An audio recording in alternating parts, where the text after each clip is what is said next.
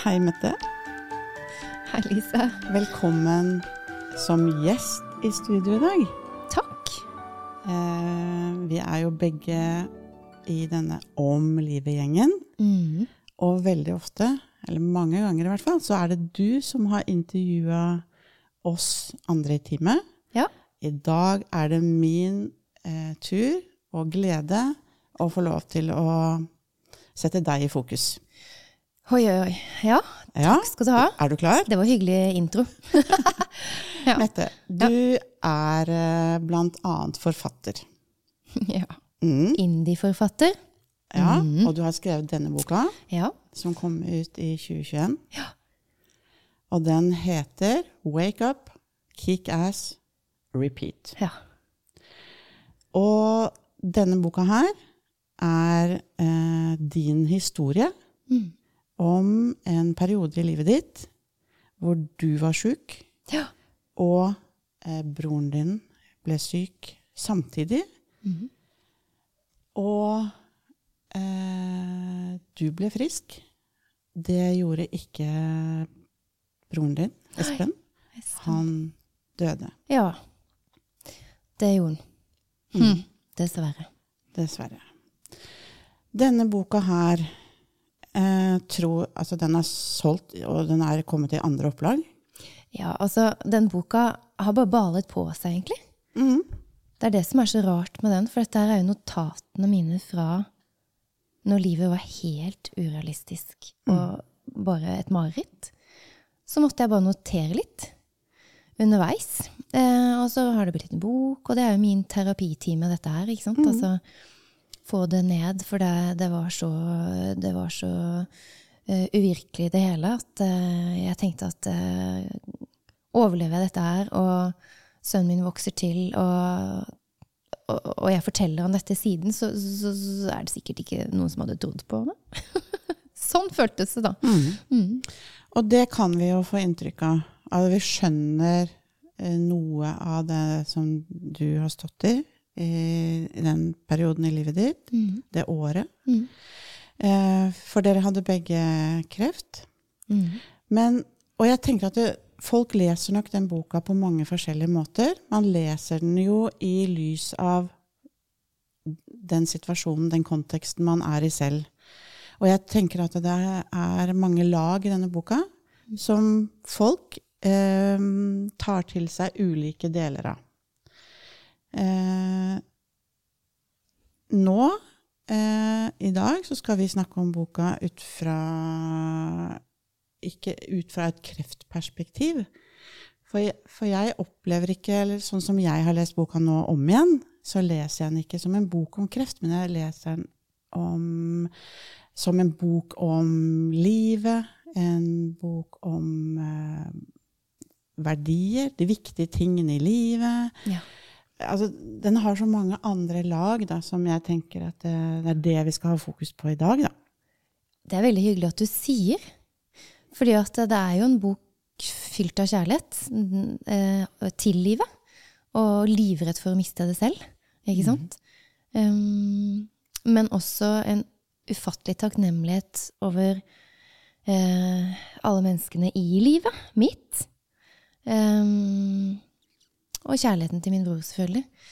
Men det er jo, altså, lokalavisen skrev jo noe om den boken da den kom ut, og det, og, det syns jeg var veldig fint. da, Får jeg si det? Får jeg skryte? Ja, ja Det var, selvfølgelig. altså, dette er en lærebok om medmenneskelighet, sto det i, um, i uh, artikkelen om boken. da. Um, og, og det syns jeg var veldig fint, fordi at da har, har, har personen catcha opp litt av hva jeg egentlig føler, føler og ønsker å formidle òg.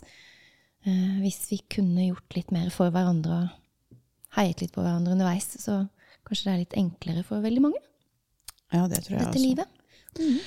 Eh, For medmenneskelighet er et veldig sånn fint ord, som kanskje sammenfatter mye av det som jeg leser ut av boka òg. Det handler om eh, sterk kjærlighet Ja. mellom søsknene Ja. Og barna deres. Mhm. Eh, Det handler om vennskap, det handler om eh, nettverk, det handler om utholdenhet, det handler om altså, ekstre, en ekstrem evne til å holde fokus. Mm. Eh, og om det å jobbe med seg sjøl mentalt. Mm. Utrolig, jeg anbefalt. Boka er herved anbefalt, og jeg vet at det er veldig mange som har kjøpt den. Så, Ja. og, og den må leses eh, akkurat sånn som leseren eh, har behov for å gjøre det. ja, det er veldig hyggelig. Kan også lyttes på. Faktisk spilt inn som lydbok. Ja, Mm. det var fint du sa. Ja. Jeg vet, Mette, at du reiser litt rundt og holder foredrag om boka di. Mm. Eh, men du skal ikke holde foredrag her på denne podkasten, men jeg har lyst til at vi skal trekke frem eh, eh, noen perspektiver som du har med i foredragene dine, og som er eh, fra boka. Ja. Um, det ene, eller det første jeg tenker at vi skal snakke litt om, det er med heiagjengen din. Ja. Ja, det er en eh, gjeng som jeg har vært så heldig å få i livet, rett og slett. av venner og naboer. Eh, som har vært med i mange, mange år. Altså, jeg kaller de nye vennene mine studievenner, men det er gud bedre meg 25 år siden, skjønner du. så det er liksom de nyeste. Mm. Eh, og, og selvfølgelig så har jeg tatt med meg de beste underveis. Sånn er det gjerne i livet. Og Mm. når i år fyller 50, så kan jeg se tilbake og være godt fornøyd med det utvalget av et knippe mennesker som jeg anser som, eh, som familie i dag. Mm. Det er ikke blodsbånd, men eh, det er familiære bånd. Mhm.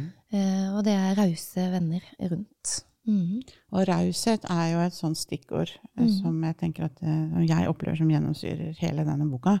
Og det er ingen tvil om at både du og Espen har et stort nettverk og mange venner. Mhm. Men, men denne heiagjengen eh, som, som var der, og er der Ja. kanskje også, for deg, hvilken betydning tenker du at denne heiagjengen har?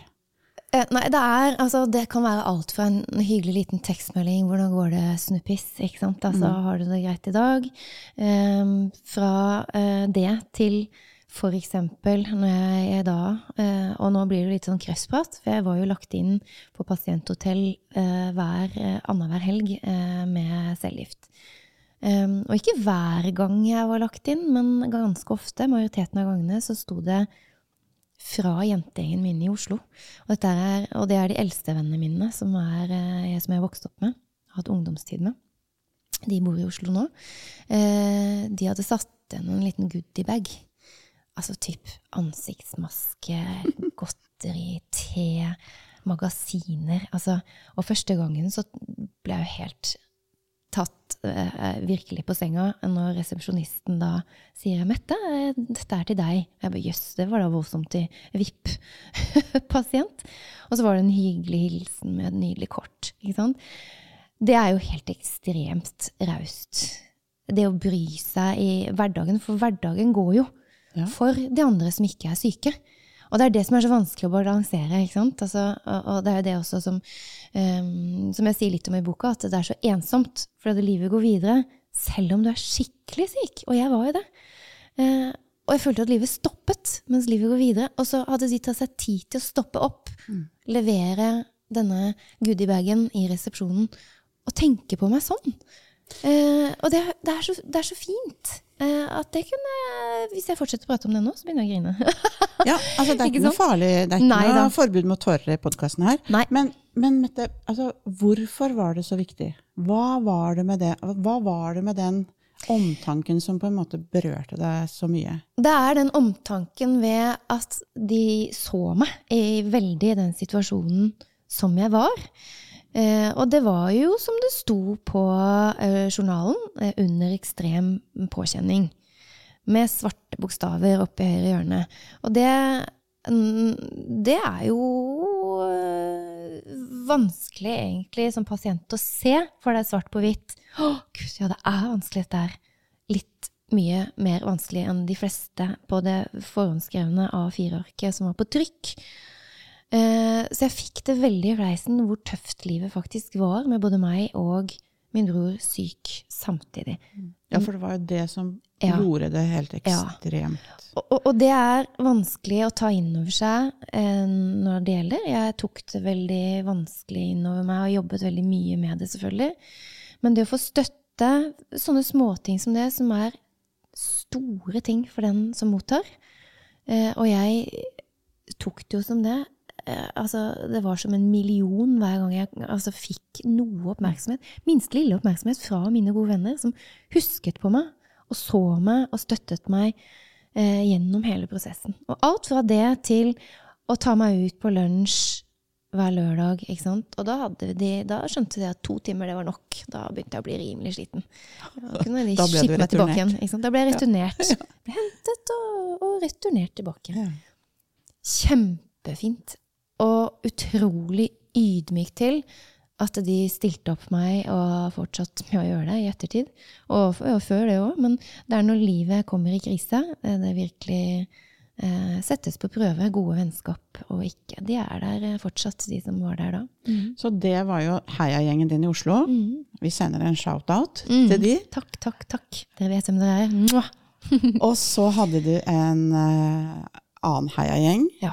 her lokalt Ja. i Horten. Lokalt. Og, så, liksom eh, kan vi kanskje kalle det uh, heiagjeng slash managementet ditt. Ja, fordi at de opererte eh, nesten på vaktskift omtrent. ikke sant? For å se til meg, se til Christian, sønnen min, som da var eh, Han var jo bare seks år gammel. Eh, som opplevde da å ha sin nærmeste nabo, for det var min bror, eh, svinne hen på veldig, veldig kort tid. Og en mor som forsvant annenhver helg. Og vi eh, er veldig tette i og med at jeg har 100% ansvar for han.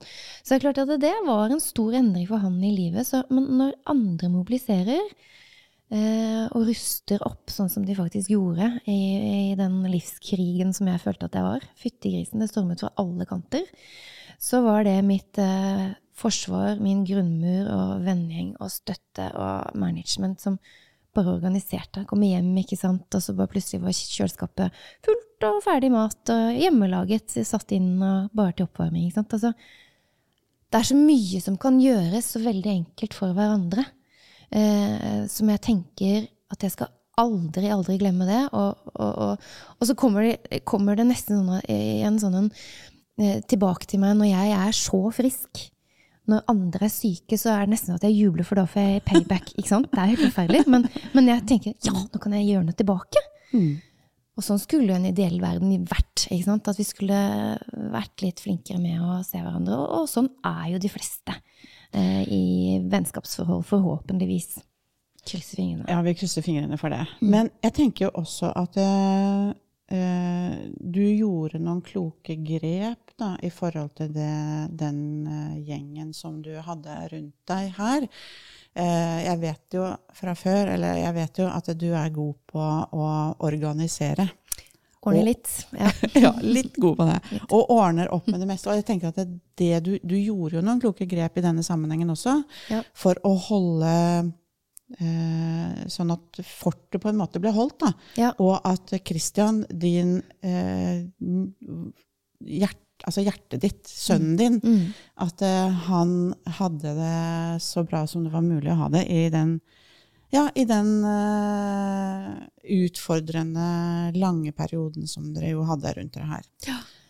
Det var jo et halvt år i helvete, det er ikke noe lurt på det. Og det, det, det kan jeg se tilbake på nå og smile og tenke at ja, jeg kom meg gjennom, jeg har gått på glødende kull nesten. Ikke sant? Altså, det er det, sånn det føles ut. Um, jeg må si at det managementet, det, som du kaller det, og det, det gjorde meg god. Uh, i, uh, un, når jeg var under ekstrem påkjenning, så gjorde de meg bedre. Eh, De gjorde meg mer utholdig. De gjorde meg mer fokusert. For jeg skjønte det at jeg er ikke alene. Eh, Selv om sykdommen i seg selv gjør at jeg de, de fleste, og det, det vet jeg jo også, at folk føler seg ganske ensomme når de blir alvorlig syk. Og det å takle det på en god måte, det, det, det er ikke så lett. Min måte å takle det på, det var jo da å prøve å mobilisere de menneskene som jeg var så inderlig glad i rundt. Og informere på best mulig måte òg, ikke sant? For det du gjorde, tenker jeg, da, det var at du satte sette dem i stand til å gjøre en god jobb. Mm. Eh, og så takka du ja til den hjelpen du fikk, og organiserte det.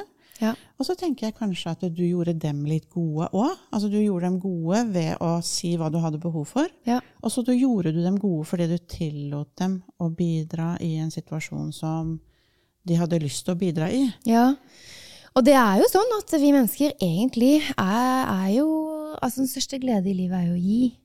Eh, Og det å gi av seg selv i tillegg, det er jo en fin greie. Jeg forsøker å gjøre det så mye som mulig i hverdagen selv, egentlig bare for å booste meg selv også. Til, til syvende og sist så blir jeg blid av det. Ja, Ikke sant? Ja. Så sånn, kanskje det er bare en egotripp. ikke sant? Men, men, men de fleste som har gitt i livet, vet jo den følelsen 'herregud, så godt det er å gi', og så gøy det er å gi. ikke sant? Mm.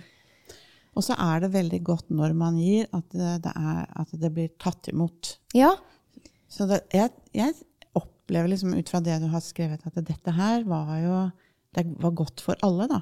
mm. Du trengte det jo virkelig, men at det også var eh, At det var godt for de som også fikk lov å være med å gi, da.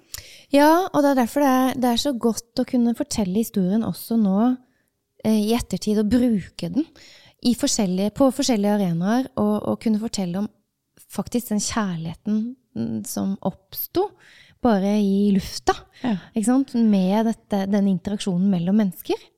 Og forsøke å gjøre hverandre gode faktisk i en sånn en kritisk øyeblikk av livet. Mm. For det er jo et lite øyeblikk, dette er et halvt år, selvfølgelig, som har følgefeil i flere år etterpå, etter så stor operasjon og gjennomgang av krise.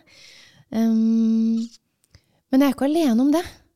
Det er veldig mange i livet som ikke går gjennom å surfe på roser, ikke sant? Eller en bølge eller rosa sky. Um, før eller senere så kommer man til kriser, og så gjelder det hvordan du er rusta til det, tenker jeg da. Mm. Og da kommer vi kanskje litt inn på det som du også skriver om i boka, det med bucketliste. Ja. Og det er ikke nødvendigvis en greie som jeg syns folk skal skrive når du kommer i krise, eller du blir syk. Eh, herregud, nå må jeg rekke det. Det er egentlig en ting som folk eh, generelt bør huske på som en handleliste hver uke. Hva skal vi gjøre? Glede oss til ting. Ha små og store ting, bullet points, på en liten liste. Må ikke nødvendigvis skrive det ned, men du kan ha det i hjertet. Beste plasserte, bare du husker på det. Ikke sant? Eh, Lista der. En ønskedrøm, et drøm om å gjøre ting. Leve livet, da. Um, være aktiv. Uh, ikke jobbe deg helt i hjel. Jeg har vært på den uh, galeien der at livet bare har eks eh, eksistert av jobb. Men da har det vært en kultur rundt det også i det, eh, den tidsperioden av livet før barn, da. Ikke sant? Og der er folk i ulike eh, deler av livet. Etter du har gjennomgått en karriere, utdannelse, så skal du gjerne ha karriere, ikke sant? så skal du etablere det. Og det, sånn er det. Mm. Men jeg skulle ønske at flere anerkjente livet, livets hverdag, da.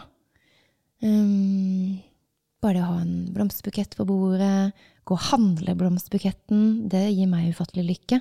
Sette den opp i vase, eller plukke bær. Eh, være lur og fryse ned halvparten og ta det opp neste vinter når det er som mørkest. Da sutter du på de bæra og føler glede over den gang da, og nå. ikke sant?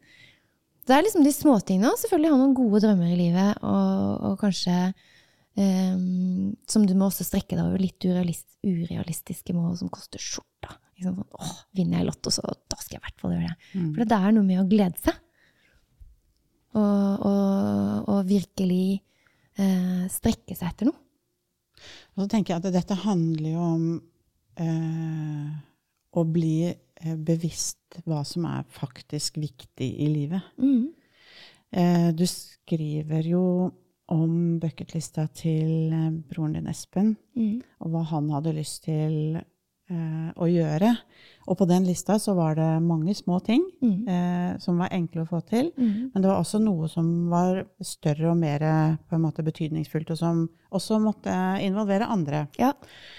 Og, og, det, og det handler jo, tenker jeg, om å være sånn veldig Komme liksom litt inn i margen på seg sjøl og være liksom Hva er det hva er det som er verdifullt for meg i mitt liv? Mm. Og hva er det jeg ønsker å utrette, og hva ønsker jeg å oppleve? Mm. Og jeg, jeg, jeg tror at uh, den øvelsen bør vi alle sammen gjøre Ja. innimellom. Ja. Og som du sa i stad, ikke fordi man er blitt syk, eller fordi det har skjedd noe sånn dramatisk rundt oss. Jeg tror at, det, vi, at vi eh, kan ha godt av å bli mer bevisst på hva vi bruker livet vårt til, eh, tida vår til, ressursene våre, Mm. eh, for å få rett og slett en større glede i livet. Da. Ja. Både fordi vi får gitt til andre, eller vært sammen med folk vi ønsker, og fordi vi får opplevd ting. Ja, boka heter jo 'Wake Up, Kick Ass', ikke sant? Mm. Og, og, og repeat og gjør det igjen. Ikke sant? Altså, og det er ikke, handler ikke om å våkne opp i livet som sådan, for at det, når du først har blitt syk, så er det halvveis kanskje inn i livet. Eh, eh, det handler selvfølgelig om å våkne opp spesielt da, men eh, det er hverdagen vi snakker om egentlig, hvordan du skal våkne opp og gjøre det beste ut av hver dag, makse ut til det fulle. Eh, fordi at alle har den der mursteinsfaktoren i hodet-greia, som gjør at det, det er så sårbart og så skjørt, og det er vanskelig å finne lykken i perioder av livet, at du må lære deg egentlig litt teknikker på det. Og rutiner er bra for mennesker. Stå opp, pusse tenna, kick ass, gjør så godt du kan for ikke å få hull i de tenna. Ikke sant? Altså, det er noe med det, og så skal du gjøre det samme akkurat på kvelden, også på neste morgen. Ikke sant? Altså, vi har alle disse små rutinene som er viktige for å føle seg vel. Ikke få dårlig ånde, ikke få hull i tenna. Ikke sant? Altså, det er helt basics, men jeg syns også hodetrening, som jeg kaller det, eh, med disse rutinepregede wake up, kick ass, repeat-mantraene mine, da, det er så viktig før du blir syk, ikke sant? Jeg har vært så heldig jeg, at jeg har hatt en mentor og coach i tidligere karriereliv. Når jeg var i 30-åra, så hadde jeg en glede av å ha, ha jevnlige prater med Frank Beck og Gyrid Beck, som, som predikerer hans eh, ord i dag. Jeg har tatt over den arven. Eh, det er meg det kommer an på. Hun, hun er jo full, fulltids foredragsholder eh, og formidler Frank sine ord og bok, den ene boka han skrev, på en ufattelig bra måte. Og jeg forberedte meg kanskje da, ikke sant? Jeg forberedte og trente hodet mitt opp til å eventuelt da møte motstand i livet. Eh, når jeg var 30 år, så hadde jeg akkurat mistet moren min da et par år før. Da jeg var 28. Eh, og, og da hadde jeg noe krise i livet, selvfølgelig. Det er en stor sorg å miste en mor. Um, så jeg hadde en knakk eller to uh, å, å, henge ting på eh, når jeg møtte han. Eh, men det er klart at eh, jeg fikk noen verktøy, og jeg fikk eh, noen gode samtaler med en vis eldre mann. For meg så ga det det veldig mye mer enn en PT på styrketreningssenter, liksom. Ikke sant? Eh, men folk er forskjellige. For meg så har det gitt meg ufattelig mye eh, å lese enkelte selvhjelpsbøker, sånne, sånn, sånn mindfulness-bøker og sånn. Det gir meg ikke så mye, for jeg har litt maur i rumpa. Men jeg vet om det, at ro også er viktig. Ikke sant? Jeg vet, jeg vet en del kjøreregler i forhold til at jeg skal være i vater, da. Eh, og sånne ting bør jo unge i dag egentlig få litt, litt mer info om. Sånn at de kan møte verden der ute og livet som kanskje butter en gang eller to underveis. eh, kan mestres på bedre måte, da. Men tenker du at, at eh, unge egentlig ikke får noe særlig sånne impulser? Ja, det kommer jo an på modenheten selv, og hvor tilgjengelig du har ting rundt deg, og hvor klar du er for å ta inn sånn den slags. For veldig mange så kan det være, herregud, altså litt for mye greier med å tenke selvhjelp og nå mål og mestring, og for veldig mange så passer det jo ikke. Men hvis du da nå som lytter på denne podden her, eh, nikker, så er jo du en av de, ikke sant? Altså, det, altså, man oppsøker jo ting av en interesse. Og det har jeg gjort. Eh, men jeg syns jo, nå kommer jo livsmestring inn i, i skolen. Ja, Det heier jeg veldig, veldig, veldig på. er. Ja, det er så bra. Og så er det jo sånn at det ikke alt passer for alle. Nei. Men det er noe der ute Ja. som alle kan finne, Ja. som kan passe. Og det er jo noe med å få de der verktøyene. Og, og du hadde jo trent litt, som du sa. Du hadde rett og slett trent litt på å ha det vanskelig. Og det kom, det kom til nytte veldig da, i den perioden der. Ja, jeg er så ly lykkelig for at jeg faktisk har et uh, lyst sinn. Selvfølgelig, det er ikke uten mørke. Uh, I kriser så har det vært ganske mørkt oppi hodet mitt òg. og da gjelder det å finne de verktøyene for å navigere seg ut derfra. Eh, og da gjelder det da kickass selvfølgelig så mye som mulig. Gi seg selv et lite dult eller tupp i rumpa, rett og slett på godt norsk. Eh, og og det er jo noe med at det, det er jo noe med at det å kunne møte, kunne trene Altså de fleste eh, jeg kjenner, har en eller annen gang vært innom et treningsstudio og vært medlemmer i løpet av livet. Og så etter hvert så blir de kanskje støttemedlemmer. Som jeg kan skrive under på. Ja. Ikke sant? Men jeg har vært leken. Jeg har lekt mye. Ikke sant? Spesielt i snø, da.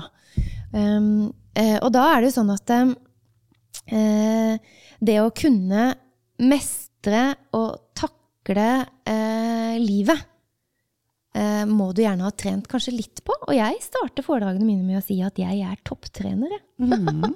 sånn eplekjekt og fint. Og så forklarer jeg hvorfor, da. Ikke Ja, sant? ja.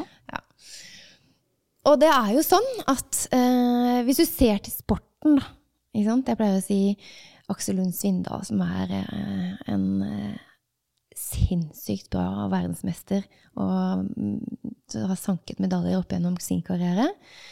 Um, når du ser på mm, hans meritter og hvordan han har kommet dit, et team rundt seg, et management eh, som har støttet han, som har fasilitert, som har trent han, vært der, eh, så har han jo lykkes. Men det handler jo om lykkes på en mindre skala for de fleste. Ikke, ikke være kjendiser og, og, og eh, medaljehøstere, men, men det er noe med det å høste den medaljen i eget liv, da. Ikke sant? Da må du også trene. Derfor så går vi på treningsstudio. Men Aksel Lund Svindal, for eksempel, ikke sant? så en dokumentar på han. Han blunker jo ikke, han har fullt fokus hele veien nedover. Ikke sant? Når han skal konkurrere. Har ikke tid til å blunke, han. Tenk deg det. Fullt fokus. Dette har han trent på. Han har kjørt samme løypa, vært gjennom mentalt løypa han skal kjøre. Og hvis vi hadde gjort det samme, og kunne gjort det i livet, så hadde vi jo klart det enda bedre. Og mestre det. Og så er det jo noe med at det å ikke mestre så godt bestandig også, det lærer deg jo litt. Så man skal jo ta alt med seg. Men sant, når jeg begynner sånn å prate om dette her, i det ene eller det andre foredraget, eller akkurat her nå, så kunne jeg skrevet en bok til. Men det er veldig mange bøker om akkurat dette her. Det gjelder å finne sin greie for seg.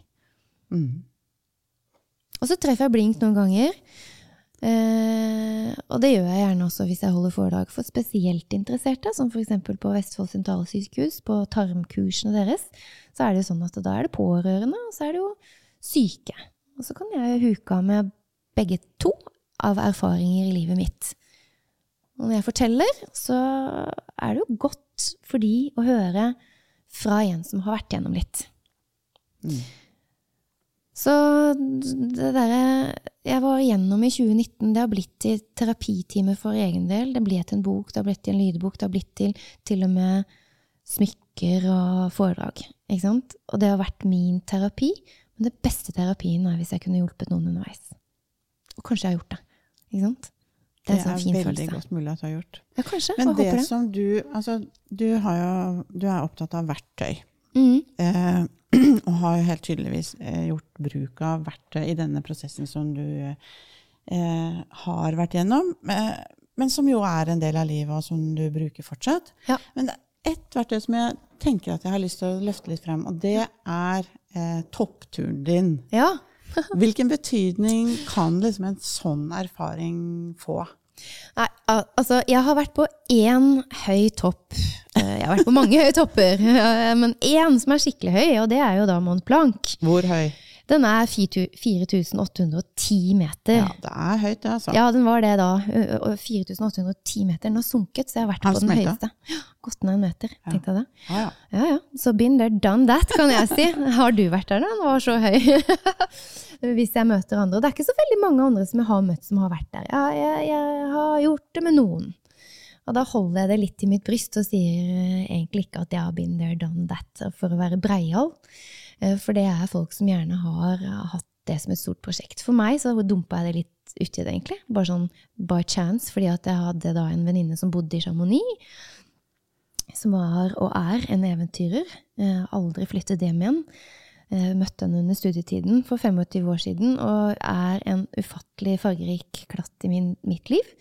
Eh, og vi møttes jo på de gøyaleste steder eh, alltid som studievenninner. Og så utfordret hun meg gjennom livet. Og så sa hun 'bli med', da, da hun bodde i Chamonix. Bli med og gå på den toppen der.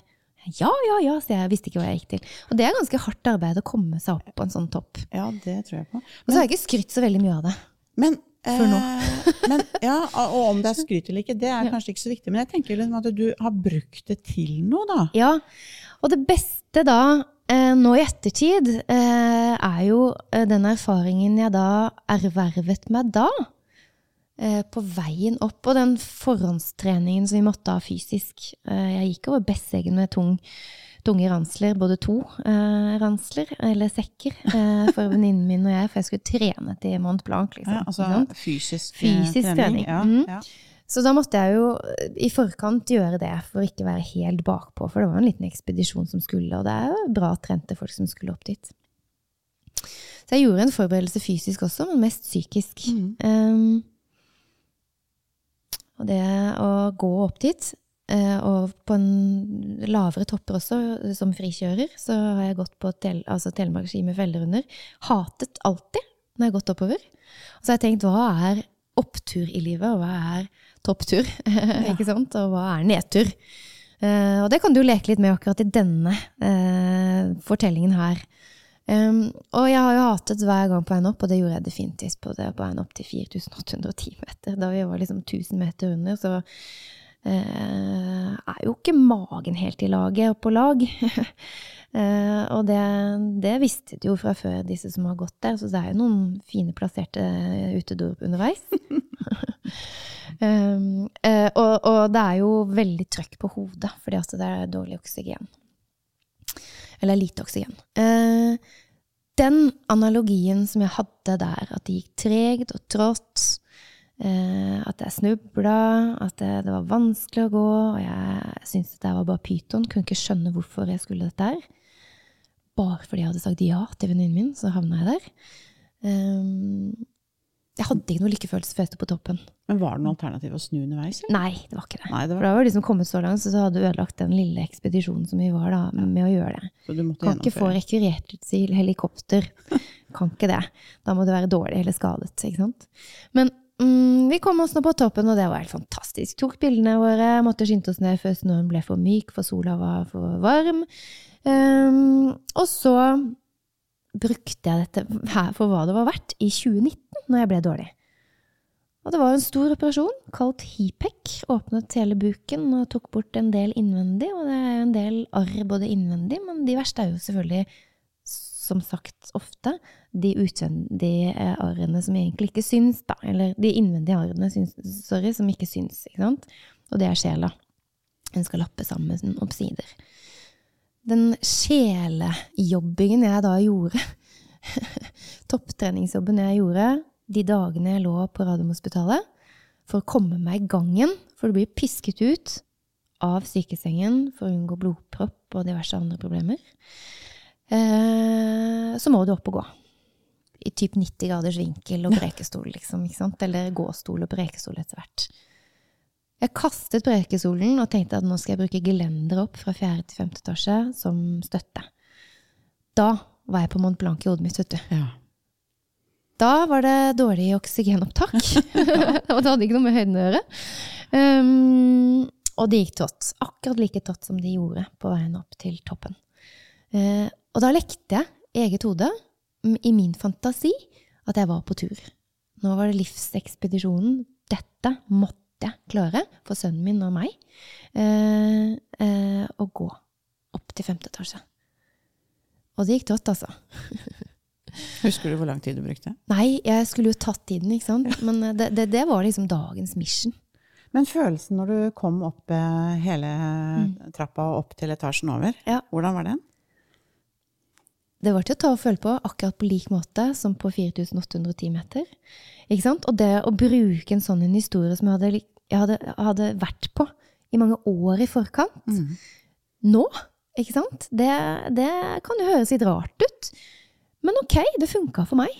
Det funket at det peppet meg opp, at jeg gjorde meg sterkere, at jeg mobiliserte alt jeg hadde. For livet. ikke sant? For der, da. ikke sant? Um, det, det har vær, vært verktøy for meg underveis. Og det er det jeg sier da også i foredrag, at det er ikke for å skryte. Jeg er ikke en toppturdame, jeg er ikke noen ekspedisjonsdame. Um, men jeg er glad i natur, jeg er glad i ski, altså jeg er glad i hva livet bringer. Eh, på godt mest. Eh, men når det kommer noe på dårlig, så må du bruke også det, hvis du kan, noen erfaringer fra da du hadde det fint, og ta det med deg inn når eh, du er, er i søla. Og jeg tror veldig på det du sier i forhold til å eh, være bevisst på de mestringsopplevelsene som vi har med oss. Mm. Eh, mange ganger så kanskje vi tar mestring litt for gitt. Og det er litt sånn, da kaster vi litt bort den effekten. For hvis vi er bevisst på at det, nå har vi faktisk klart noe, nå har vi gjort noe, nå har vi fått til noe som vi kanskje selv syns har vært vanskelig, eller andre også syns er, er litt, sånn litt imponerende. Eh, men gjerne små ting. Tenk på de og snakk, framsnakk mestringsopplevelsene. Ja. For de kan vi bruke seinere. Ja. Jeg vet at jeg er ganske utholdende, jeg Ja. vet at jeg kan, jeg vet at jeg er flink. Jeg vet, altså, de der tingene der, de trenger vi plutselig. ja. Når du minst kanskje aner det. For det er fakta for min del. ikke sant? Plutselig så smalt jeg, og det har hatt vondt lenge i magen. Eh, Men plutselig så var det blindtarmen som alarmerte om en stor eh, kreftsvulst. Det smalt på dagen, den sprakk, ikke sant? Da måtte jeg i verktøykassa mi, min, for å kunne mestre, da. Og, det, og da er det liksom For å vite at du har noen verktøy i den verktøykassa, så må man på en måte være litt bevisst når man putter de oppi der. Ja, Eh, Ja. Billedlig sagt. Eh, Ja. Så det å være litt sånn Finne fram til noe verdt. Vite hva som motiverer. Vite hva man liker. Vite hva som funker. Hvis man er litt sånn bevisst mens man i livet, da, så har vi en velutstyrt verktøykasse når vi trenger den. ja. Du trenger ikke en kasse engang, men Swiss Army Knife, det kan man kanskje Ja, Men det hjelper ikke med sånn fin eh, Swiss Army knife hvis du ikke klarer å ta ut de tinga som er innhold i den. Mm. Eller hvordan du skal bruke den. Så hele poenget med din verktøykasse for deg selv er jo nettopp hvordan du skal bruke det. Og det er helt individuelt. Mm. Ikke sant? Om det er selvhjelpsbøker, eller om det er toppturer, eller om det er eh, de små lykkefølelsene som du har, kan ha i hverdagen med å høre på en fin låt, musikk, ikke sant? masse terapi i det. Mm. Altså, bruk det, bruk det. Gjør det, gjør det, gjennomfør det. Ikke sant? Det er så viktig. Men det er ikke alle som tenker sånn, vet jeg. Og derfor så er det god med, godt med litt input en gang iblant. Ja, så kanskje nettopp eh, boka di Ja. og historien din og foredragene dine kan bidra til nettopp det. Ja. Og gi litt sånn impulser. Ja. Du, jeg har lyst til å ta én ting, og høre om én ting til før vi gir oss helt, Mette. Ja. Eh, I boka di så skriver du om, når du skulle ha denne cellegiftbehandlingen, Ja. at du gikk til innkjøp av kruttkjoler. Ja. Kan ikke du bare fortelle litt om det? Jo, det kan jeg godt. Da må jeg kanskje fortelle eh, hvorfor jeg kalte det kruttkjoler også. Mm. Fordi jeg brukte min egen terminologi på cellegift. Cellegift, altså det er, det er gift. Eh, det gjør vondt å gråte. Det svir i øynene. Eh, tisser du og tisser litt på kanten, så må du vaske over godt, og du må skylle ned to ganger i do. Ikke sant? Altså, det er gift. Og denne gifta skal jo ta livet av cellene, men den differensierer ikke på gode og dårlige celler. Så tenkte jeg ok, jeg orker ikke å kalle det gift, for det er så negativt ladet, følte jeg. Eh, For jeg følte meg jo forgiftet, ikke sant. Eh, Så jeg valgte å kalle det krutt, og det var min terminologi på det. Jeg kalte det for krutt, for jeg tenkte at eh, ja, ja, det gir meg jo krutt på sikt, for målet er jo og ta livet av kreftcellene, styggdommen i kroppen, rett og slett. Men når det ikke er eh, Vitenskapen har kommet så langt riktig enda, jeg vet at det er på gang, eh, så er det ikke, det er ikke kikkertsikte på at du treffer med en gang. ikke sant? Så du må skyte litt med hagle, da, tenkte jeg. Så da ble det krutt. Det ble kruttuke, og det var påfyllsuka den helgen jeg var inne. Eh, da var det jo da påfyll intravenøst på en veneport som var inoperert på øvre del av bryst. Eh, og så var det masse ledninger derfra. Så måtte, gjaldt, og det var min oppgave, å holde koll på de ledningene, sånn at det ikke ble knut på det. Ja. Etter at jeg da ble trillet inn på pasienthotellet. Eh, jeg var under oppsyn under den første dosen, og det er den verste dosen.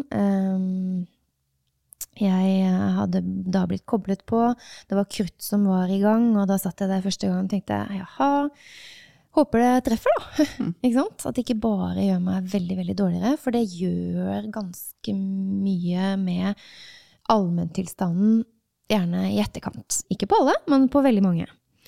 Eh, og da var det liksom kruttslamuke og da måtte du slamme ut. Og det vet jo alle som har vært på rypejakt, kanskje, ja. eller spist uh, Altså du er jo sammen uh, en eh, hunter, en jakter, du. Så en som jakter. Og, og, det er veldig godt når han kommer hjem med ryper, sikkert, men du må spytte ut de der haglkulene en gang iblant hvis dere har mistet på å rense de. Men det smaker godt allikevel. Så det er kruttslamuka. Den er litt hard å komme seg over, og så ble det krutt igjen. Så jeg definerte i eget hode at det blir bra med dette kruttet. da. Så tenkte jeg, for å bli enda gladere i en svart periode av livet mitt i hodet, for det var kulsvart. så tenkte jeg, eh, som er relativt konservativ i klesveien ellers, sånn svart-hvitt type egentlig, eh, ja, ja. som jeg har på meg i dag, um, at farger, det gjør seg nå. Jeg føler meg så fargerik i hodet ellers når jeg er frisk og er i mentalt vater. Og da har jeg så masse farger i hodet mitt, og da orker jeg ikke å kle meg fargerikt heller, for da blir det så mye. Men nå, da, da jeg var syk, så tenkte jeg at nå må jeg ha farger i livet. For nå var det ikke noe farger i hodet. Men jeg kunne i hvert fall ta det på kroppen. Og så kom jeg over eh, ei dame som sydde noen kjoler. Se min kjole etter det. Så det er snikreklame, det her, og det er ikke betalt, for å si det sånn. Ikke sponsa. Men eh, en nydelig dame som, som sydde omslagskjoler. Altså wraparounds. Og det var fint. Jeg trøsteskjøpte noen kjoler i nydelige, fargerike farger eh, som, kunne, som, jeg kunne da wrap around, som jeg kunne knyte rundt meg, og dytte disse ledningene inniblant. Ja. Og så er jeg så enkel i mitt hode da at jeg følte meg fin. Jeg kledde meg opp for anledningen for å få krutt. Når jeg kom inn i korridoren, så syntes folk jeg var fine, spesielt disse skjønne sykepleierne. Og så sa de 'Å, så fin du er'. Å, så ble jeg så glad! Ja. og så glemte jeg egentlig at det var dårlig akkurat i ti sekunder akkurat da. Så satte jeg meg ned, og så fikk jeg påfyll eh, av dette kruttet. Og så reiste jeg meg opp igjen og så tenkte jeg, ja ja, nå går jeg av gårde med kruttet på meg. Cellegifta koblet på. Ingen så det, for jeg hadde stappet disse ledningene innunder denne kjolen her. Og så følte jeg meg fin allikevel. Jeg kledde meg opp for å eh, være så godt beredt psykisk som mulig. Og det funket for meg. Det er ikke sikkert det funker for alle, men det funket for meg. Mm. Mm. Et, enda et eksempel på en sånn faktisk eh, helt konkret ting mm. som du valgte å gjøre for at mm. du skulle føle det bedre. Ja. Og det er det som vi snakket om i stad. Jeg tenker at det er så innmari viktig å prøve å finne fram til de tingene, uansett hvilken situasjon man er i. Mm.